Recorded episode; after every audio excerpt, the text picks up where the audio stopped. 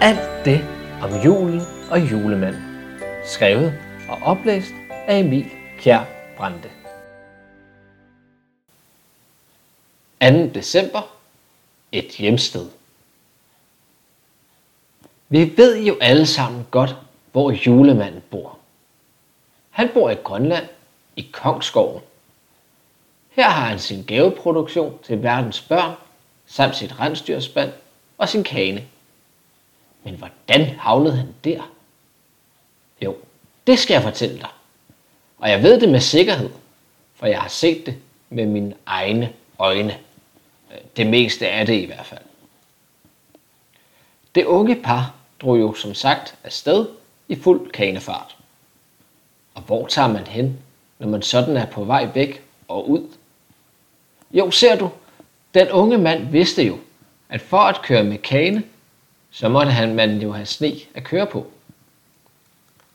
Og da det unge par befandt sig i det hyggelige danske land, var de jo godt klar over, at der var en vis risiko for, at det gunstige underlag hurtigt kunne forsvinde. På den tid var der ingen bro mellem Danmark og Sverige, og færgetransporten var ikke så indstillet på lavpriskanebilletter. Men denne vinter var særlig. Selvom det var i Danmark, så var frosten så hård, som den ikke har været det siden svenskerkrigene, og hvor de svenske soldater gik over sund og bælt båret af isen. Så det unge, nu nygifte par kørte raskt afsted over Øresund og ankom til Skåne. Her kørte de så mod nord, for nok var frosten god og hård på nuværende tidspunkt, men selv de koldeste decemberdage kan jo blive afløst af lune januardage. Sådan er det nordiske klima så lunefuldt. Så de kørte mod nord, gennem Skåne, Småland og hele den lange vej op til Samernes land. Indtil nu var deres kane blevet trukket af en godmodig gammel hoppe. Men den lange tur havde gjort hende træt, så nu gad hun ikke trække dem længere. Og det var der jo ikke noget at sige til. Den tur er lang, og det er ikke så lige til at trække to mennesker ene hest. Så var gode råd jo dyre. Men nu smilede lykken til vort unge par. Samernes land er også smilenes land, og det er hjælpsomhedens land. Og da de kærlige samer modtog det unge par, så det den kære gamle krikke. Og det gik jo ikke så godt, at den kunne trække dem videre. Samtidig havde gamle Olofsson indstillet sin geschæft som rensdyravler, for i stedet at slå sig ned og leve af, hvad livet bød ham. Med andre ord var han gået på pension. Og hans rensdyr var der ikke mange tilbage af. Der var blot en ung hund og en ung han. Da gamle Olafsson så den trætte hoppe, tænkte han ved sig selv, om de ikke skulle pensioneres sammen i stedet for.